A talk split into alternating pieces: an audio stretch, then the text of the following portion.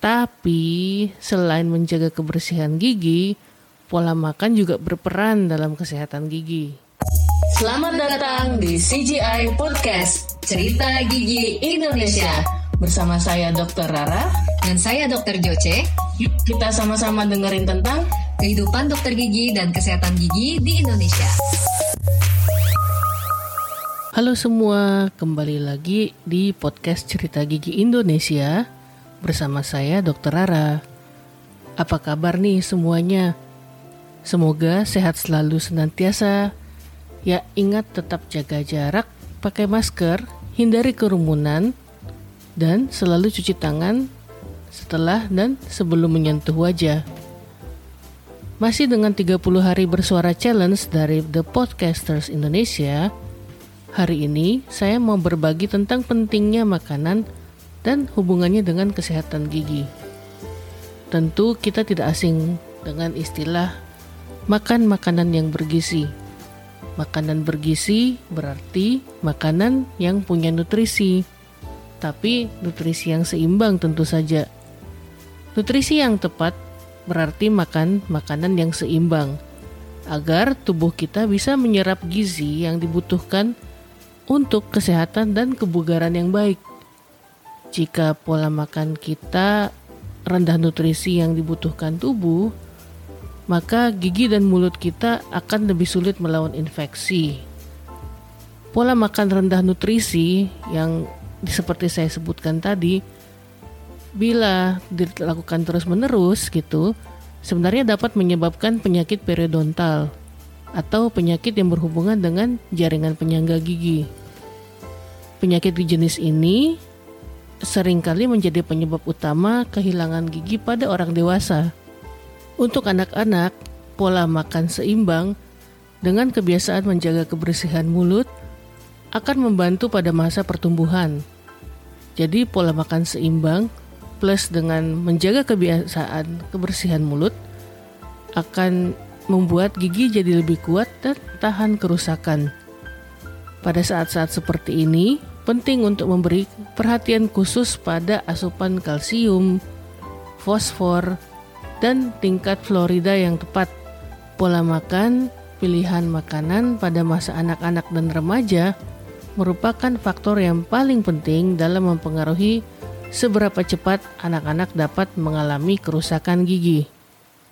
Pola makan yang buruk dapat menyebabkan penyakit gusi dan kerusakan gigi makanan tinggi karbohidrat kayak gula dan pati ini sangat berperan pada produksi asam plak yang dapat menyerang enamel gigi. Enamel gigi itu adalah lapisan terluar dari gigi ya, yang kita lihat itu yang warnanya putih.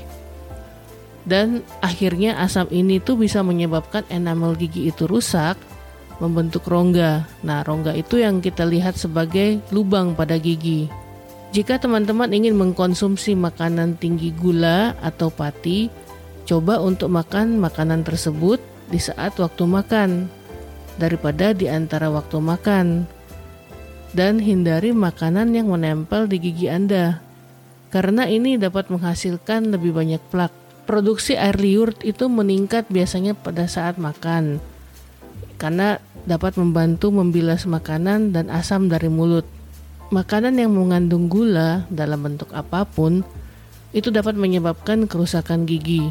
Hampir semua makanan, termasuk susu dan sayuran, mengandung beberapa jenis gula.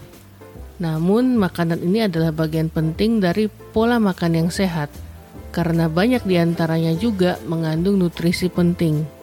Untuk membantu mengontrol jumlah gula yang kita konsumsi, Selalu biasakan untuk baca label makanan dan pilih makanan dan minuman yang rendah gula tambahan. Gula tambahan ini biasanya ditemukan dalam minuman ringan, permen, atau kue, atau kue kering. Jadi, menjaga kesehatan gigi, baik gigi kita sendiri atau gigi anak, semuanya bergantung pada beberapa faktor.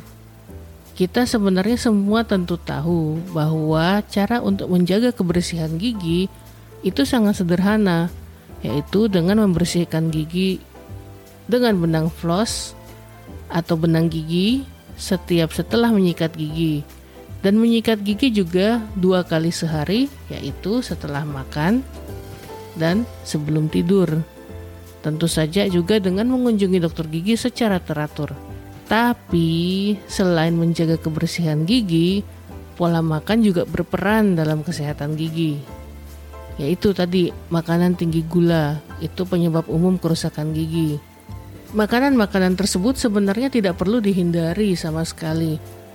Tetapi dijadikan sebagai camilan, tapi bukan makanan pokok.